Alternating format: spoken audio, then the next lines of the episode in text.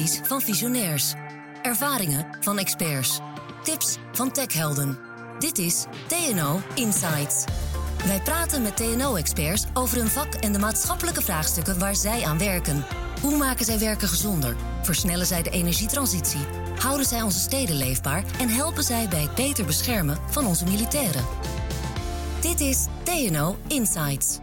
Fijn dat je luistert naar TNO Insights, de podcastserie waarin we tweewekelijks kijken naar de coronacrisis en de impact daarvan op de maatschappij. Mijn naam is Patrick Harms. Sinds kort kan het weer. Een gezellig avondje uit. Nou ja, gezellig.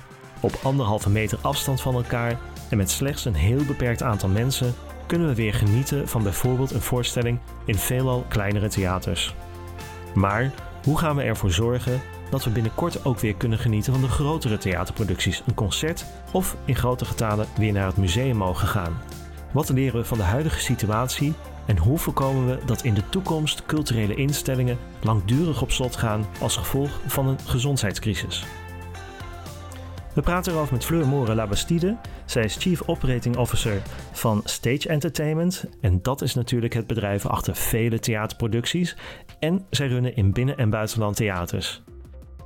En ook praat mee Krishna Tanea, directeur Nationale Veiligheid bij TNO. En zijn team adviseert onder andere verschillende organisaties in de culturele sector over hoe zij in de huidige situatie veilig weer open kunnen gaan. Join the innovators. Let's go. Welkom Krishna en Fleur. Uh, ja, Fleur, op stel en sprong moesten jullie in maart als Stage Entertainment in Nederland, maar ook in de andere landen, al jullie theaterzalen en producties sluiten. Wat, wat gebeurt er dan achter de schermen? Dat, dat is enorm, met een enorme impact. Dan laat ik eerst een beeld schetsen over de omvang van onze organisatie. We zijn een, wereldwijd een van de grootste musicalproducenten en theatermakers. Mhm. Wij zitten in zeven landen. We hebben 16 theaters door Europa. We spelen in theaters op Broadway, in New York, op West End, in Londen. Dat is een geweldige operatie. En als dan zo'n bericht valt en je in een week tijd al die theaters meteen moet sluiten, dan heeft dat een geweldige impact. Afgelopen jaar hebben we ongeveer 10.000 shows uitgevoerd. Meer dan 10 miljoen bezoekers verwelkomd. Dus dat is complex en groot. Met, dat bracht heel veel onzekerheid met zich mee. Mhm. En een enorme impact. Niet alleen voor ons, maar ook voor heel veel kleine ondernemingen die van ons afhankelijk zijn en met wie wij samenwerken. Dat klinkt als een uh, nou ja, behoorlijke uitdaging voor een organisatie als die van jullie. Ja, hoe ga je daarmee om binnen jullie eigen bedrijf? Dat, dat had echt grote impact op onze business, maar ook emotioneel op onze mensen. Stel je voor, in Nederland, mensen die net begonnen waren aan Tina Turner de musical, die stonden twee weken op het toneel en die zitten nu al geruime tijd thuis. het brengt ook veel onzekerheid met zich mee. Dus iedere dag praten wij met onze mensen in de landen. Wij hebben, ieder land heeft zijn eigen landenhoofd. En dat doen we sinds die dag nog steeds. Om te praten over de emotionele kant, maar natuurlijk ook om ervaringen uit te wisselen. Mhm. Maar ook om goede beslissingen te nemen. Want op zo'n moment moet je grote beslissingen kunnen nemen en daar uh, goed over nadenken. Mhm. We zijn daarnaast natuurlijk ook meteen aan de slag gegaan met scenario's voor herprogrammering. Ja. Daarvoor wisselt wel iedere paar, paar weken de input. Dus dat is iets wat we nog steeds op voortdurende basis blijven doen. En een hele belangrijke, we proberen natuurlijk ook om op een goede manier in contact te blijven met ons publiek. Ja. De mensen die elkaar te hadden, mensen die overwegen om weer te komen. Nou, dat zijn de dingen die je met elkaar op zo'n moment probeert te organiseren. En uh, daarbij de situatie in kaart probeert te brengen. Om toch gevoel ervoor te krijgen hoe kunnen we op een gegeven moment de risico's gaan beheersen. En wat kunnen we weer gaan doen? En jij bent nou bij Stage Entertainment niet alleen verantwoordelijk voor Nederland, maar ook voor al die andere landen waar jullie theaters en producties hebben lopen. Dan zit je natuurlijk in de ideale positie om uh, aan te geven wat nou die verschillen zijn tussen die landen. Hoe pakken die nou zo'n coronacrisis aan? Ja, er zijn een heleboel dingen die op elkaar lijken. Bijvoorbeeld als we kijken naar onze landenorganisaties. Overal zijn wij in nauw contact met lokale overheden, met de andere spelers in de sector. In Nederland werken we veel samen met de Vereniging van Vrije Theaterproducenten. Mhm.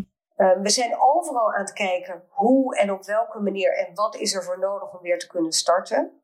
Maar je ziet ook grote verschillen. En dat heeft er al mee te maken dat bijvoorbeeld een theater op Broadway is vrij klein in gangen en ruimtes om het theater heen. Waarbij bijvoorbeeld het Circus Theater en Beatrix Theater veel ruimer van opzet zijn. Dus als je daar iets moet doen, heb je meer ruimte. Um, het, ene theater is een heel mooi oud theater en het andere is een nieuw theater. Dat brengt ook andere uh, technologische voor- of nadelen met zich mee. Dus per theater is dat verschillend. Dat zal impact hebben op wat je waar kan doen, maar vooral op de cultuur. Daar zien we grote verschillen. En wat zie je dan? Je ziet dus bijvoorbeeld in Nederland, waar we erg uh, gefocust zijn op de anderhalve meter samenleving. Hè, dat zie je bijvoorbeeld in veel mindere mate terug in Spanje. In Spanje zie je dat um, zowel lokale overheden, maar ook het publiek veel meer kijken naar bijvoorbeeld beschermingsmaatregelen. Kun je met mondkapjes op het theater in? Als je handgels hebt, mm is dat een systeem wat werkt? Waar je ziet dat dat in Nederland nog veel minder um, terugkomt in dit soort evenementen. Nou, in Duitsland zie je een beetje van beide. In Parijs zagen we lange tijd dat er geen interesse was of niet gedacht werd aan mondkapjes. Totdat het openbaar vervoer mondkapjes ging gebruiken. Nu zie je dat er steeds meer plekken opkomen. Dus zowel, en dat is interessant met zo'n crisis, en dat zie je ook voor alle overheden, je moet toch met 50% van de kennis op een gegeven moment beslissingen nemen. Mhm. En dan zie je daar verschillen komen. Zowel aan de kant van de overheden, maar ook als waar een publiek zich uh, veilig bij voelt. De overheid heeft natuurlijk nu uh, aangegeven dat theaters weer open kunnen sinds 1 juni. Daar maken ook al enkele theaters gebruik van we zagen recent zelfs de koning uh, uh, ook alweer een theatervoorstelling bezoeken. Maar bij Stage Entertainment uh, zijn de voorstellingen nog niet hervat en de theaters nog niet open. waarom niet? Wat, wat, wat, zit jullie daar in de weg? Dat vinden we natuurlijk vooropgesteld zelf ook heel jammer dat dat niet kan, maar dat is absoluut niet mogelijk. Wij maken grote producties. Dat zijn grote internationale shows, zoals The Lion King, zoals Tina Turner. Dat zijn dure producties. Die vergen miljoenen investeringen en kosten tienduizenden euro's per avond. Mhm. Dat moet je toch ergens zien terug te verdienen. Wij hebben niet voor niks grote theaters. Hè. In, in, in Scheveningen, in het Avon Circus Theater, hebben we 1800 stoelen. Die hebben we ook nodig om zo'n show te kunnen bekostigen. Dus als je dat weet, dan snap je ook dat openen voor 30 of voor 100 mensen een illusie is. wij hebben echt veel meer dan dat nodig. We hebben honderdduizenden mensen per jaar nodig mhm. Om tot een break-even punt e- eh, te komen. En, en, stel dat je dan wel weer open kunt, uh, hoe snel is het dan voor jullie weer business as usual? Dat hangt een beetje ervan af per theater en wat er voor mogelijk is.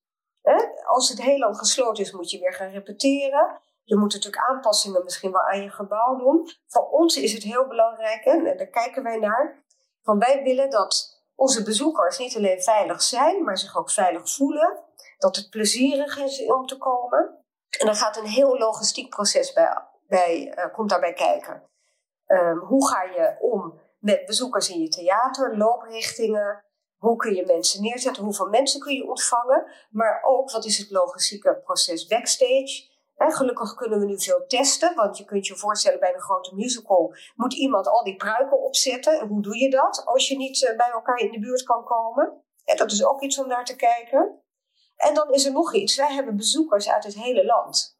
Mensen reizen van overal naar onze shows toe. Mhm. Dat wil dus zeggen dat het niet alleen gaat en dat wij ons niet alleen nadenken over de veiligheid van mensen als ze bij ons binnen zijn, maar ook hoe werkt dat als mensen mhm. Eh, met de trein of met een auto of met groepen naar ons toe komen. Wat betekent dat? En wat zijn daar de punten om in de gaten te houden om mensen veilig naar je theater te halen, een veilige middag of avond te geven en ook weer veilig naar huis te laten keren. Ja, en die uitdaging waar jij voor staat met jouw organisatie Fleur is dus fors. Vanuit uh, eh, TNO Krishna kijken jullie samen met Stage Entertainment en een aantal andere organisaties naar hoe jullie ja, die uitdaging kunnen oplossen. Maar hoe is nou juist TNO hierbij betrokken geraakt? Vanuit TNO Defensie en Veiligheid werken we al jaren samen met veiligheidsorganisaties, zoals Defensie, politie, veiligheidsregio's. Mhm. En wij kijken eigenlijk met die organisaties hoe we nieuwe technologieën kunnen toepassen in de praktijk.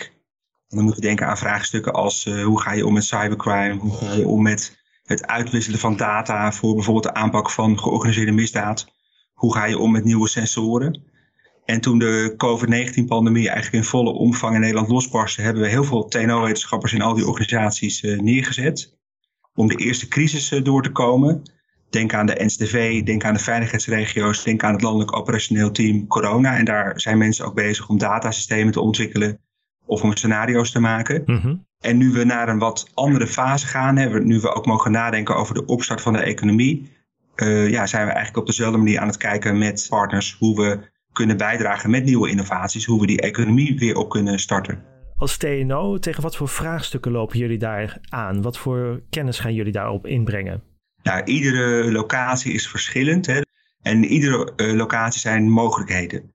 Nou, met data kan je nadenken over hoe je veilig naar binnen kan. Als je bijvoorbeeld uh, data kan uh, wisselen over leeftijd, over je gezondheidshistorie, of je wel of niet één huishouden bent, kan je binnen de RIVM-richtlijnen kijken, accepteer je een zeker risico dat je meer mensen binnenlaat dan de anderhalve meter. Mm Als je naar het museum kijkt, dat hangt helemaal vol met techniek, met sensoren, met camera's. Mensen daar, kunnen daar gebruik maken van een audiotour. Mm Nou, nu zie je dat die locaties 20, 30 procent van de maximumcapaciteit uh, toelaten, wat natuurlijk veel te weinig is om rendabel uh, te zijn.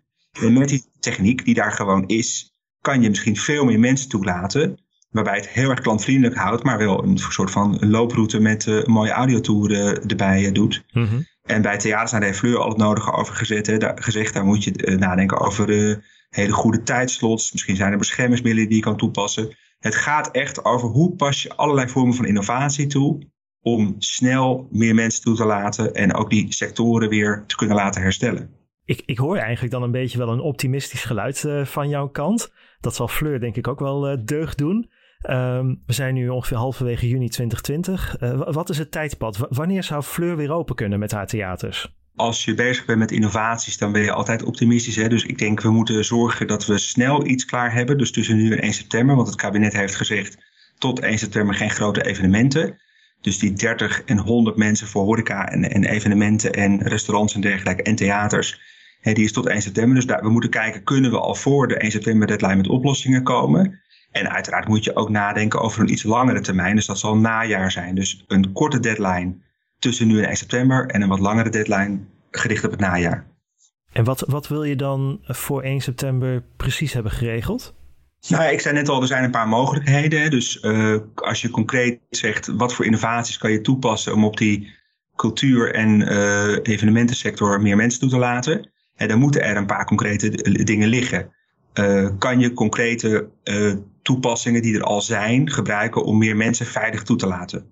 Kan je in theaters met bijvoorbeeld schermen of andere beschermingsmiddelen en tijdslots op een veilige manier met logistieke goede looproutes verantwoord meer mensen toelaten? Kan je in een groot voetbalstadion waarbij je data uitwisselt en doordat je data ook uh, publiek-privaat uh, mag gebruiken en mensen daar toestemming voor geven, kan je dan ook verantwoord meer mensen toelaten. Dus een aantal vormen van concrete modellen, concrete oplossingen die ook aantoonbaar veiligheid en maximaal garanderen. Nou, dat zou er voor 1 september wel moeten, moeten liggen. En de langere termijn? Nou ja, je, kijk, uh, als je zo snel innoveert, hè, dan uh, zeggen wij vaak met TNO, het is een houtje-touwtje prototype, hè, daar doe je het wel te kort uh, mee. Maar dit wil je uiteindelijk natuurlijk ook uitwisselen. Nederland is een innovatieland en we willen uiteindelijk dat die hele sector weer bestendig is en dat je ook nou ja, misschien de piek die er uh, wordt voorspeld van de coronapandemie. Mm Maar ook eventueel andere pa pandemieën, dat je daarmee om kan gaan. Dus je wil uiteindelijk iets bestendigs hebben.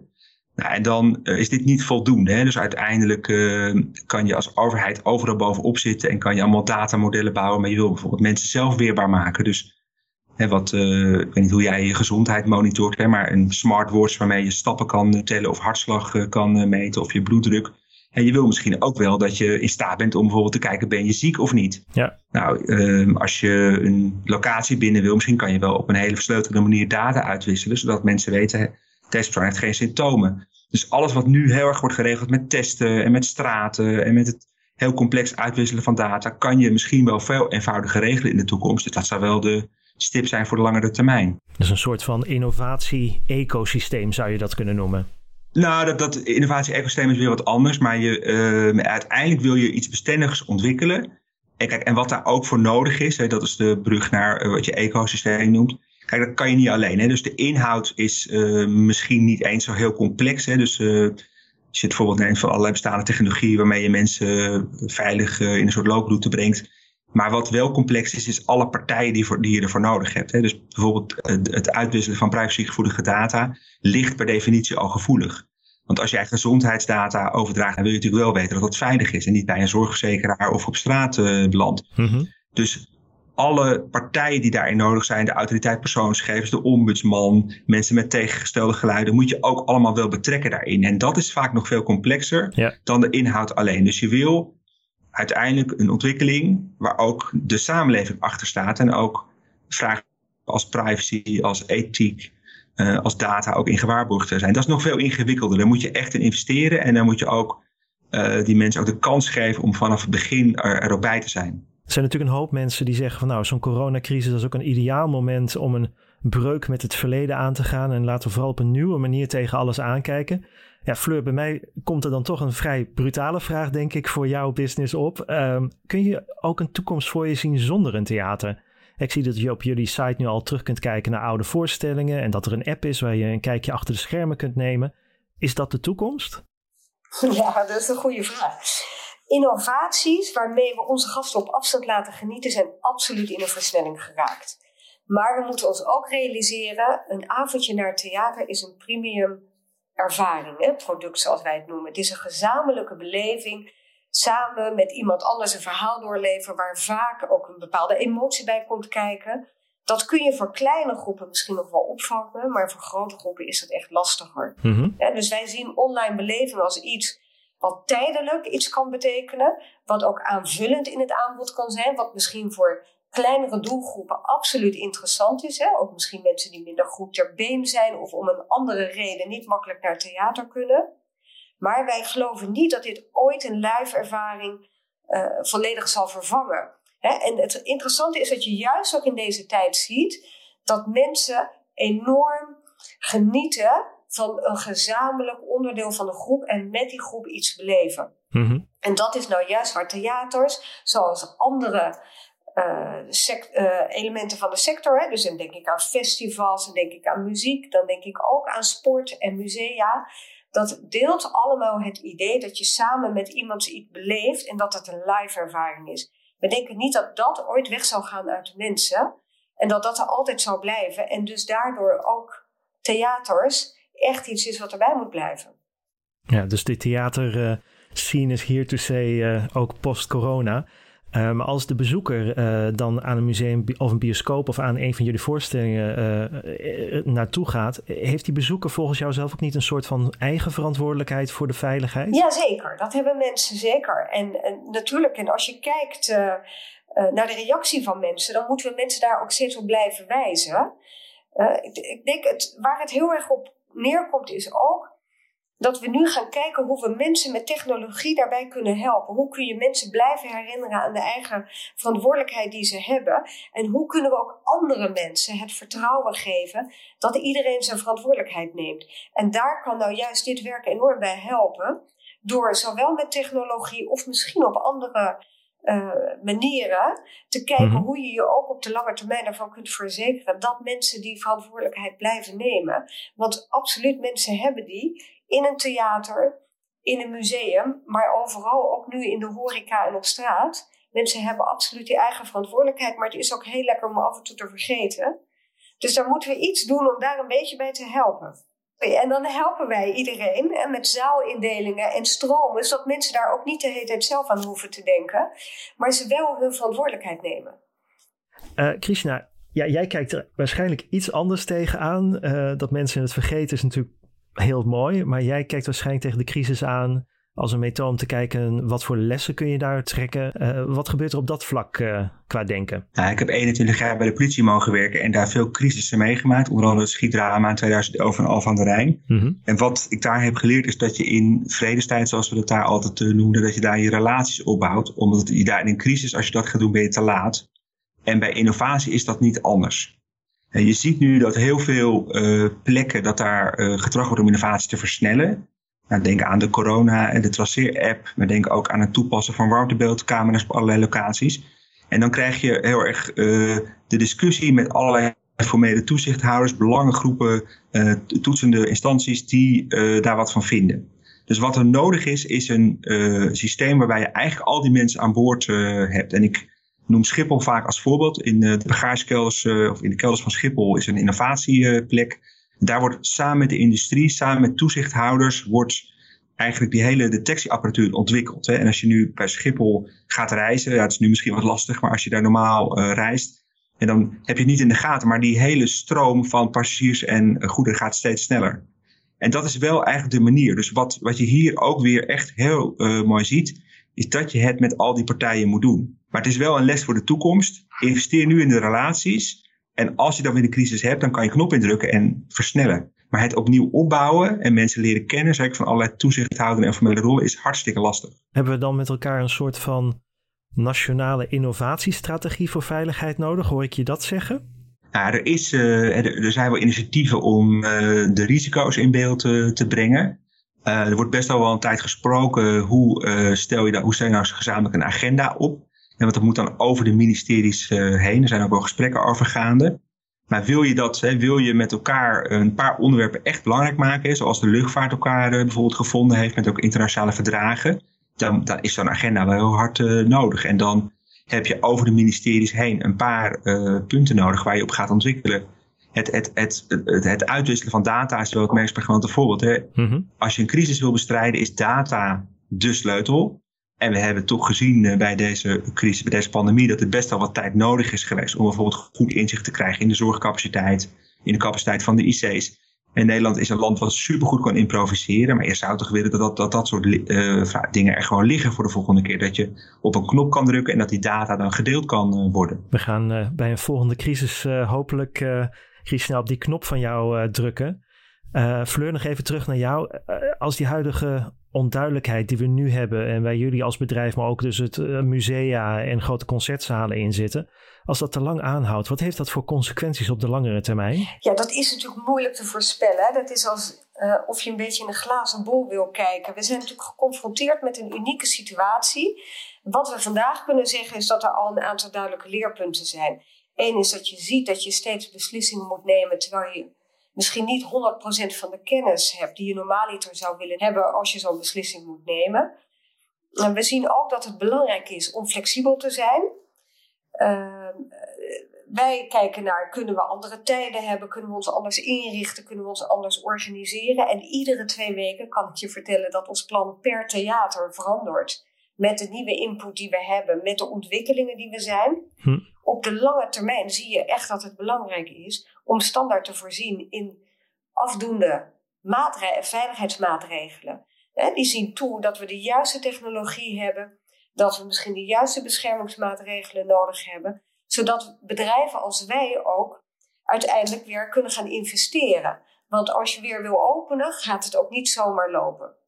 En dan moeten wij grote investeringen doen. Dan moet je als bedrijf op een gegeven moment ook het vertrouwen hebben dat je die investeringen kunt doen. En dat je al die kleine ondernemers die ook van ons afhankelijk zijn, dat die daar ook weer in mee kunnen gaan. Dan moet je uitzicht hebben op de lange termijn dat er iets is wat werkt, mhm. hè, waar je op terug kan, kunt vallen. Niet alleen om de sector overeind te houden, maar vooral om uiteindelijk al, al die bezoekers weer een fijne avond te kunnen geven. En dat is iets wat je voor de lange termijn altijd nodig zal, zal hebben. Daar wens ik je heel veel succes mee, Fleur, om dat uh, voor elkaar te krijgen. En ik hoop dat wij uh, toch wel weer uh, snel in grote getalen kunnen genieten van de shows die jullie geven, maar natuurlijk ook hele andere theaterproducenten voor ons in voorbereiding hebben. Of dat avondje bioscoop of de popconcert. Ja, en voor de toekomst is het van belang voor ons allemaal als maatschappij meer te focussen op scenario's en de daarmee samenhangende innovaties. Dat lijkt me een mooie conclusie van deze aflevering. Dankjewel Fleur Mora-Labastide van Stage Entertainment en Krishna Tanea van TNO Defensie en Veiligheid. En tot zover deze korte serie over de impact van corona op de samenleving. Maar we gaan wel door met deze podcast. Glenn van den Burg neemt je de komende tijd mee in de wereld van de energietransitie. Veel luisterplezier daarmee. Bedankt dat je hebt geluisterd naar TNO Insights. Meer afleveringen vind je via jouw favoriete podcast-app. Zoek op TNO Insights.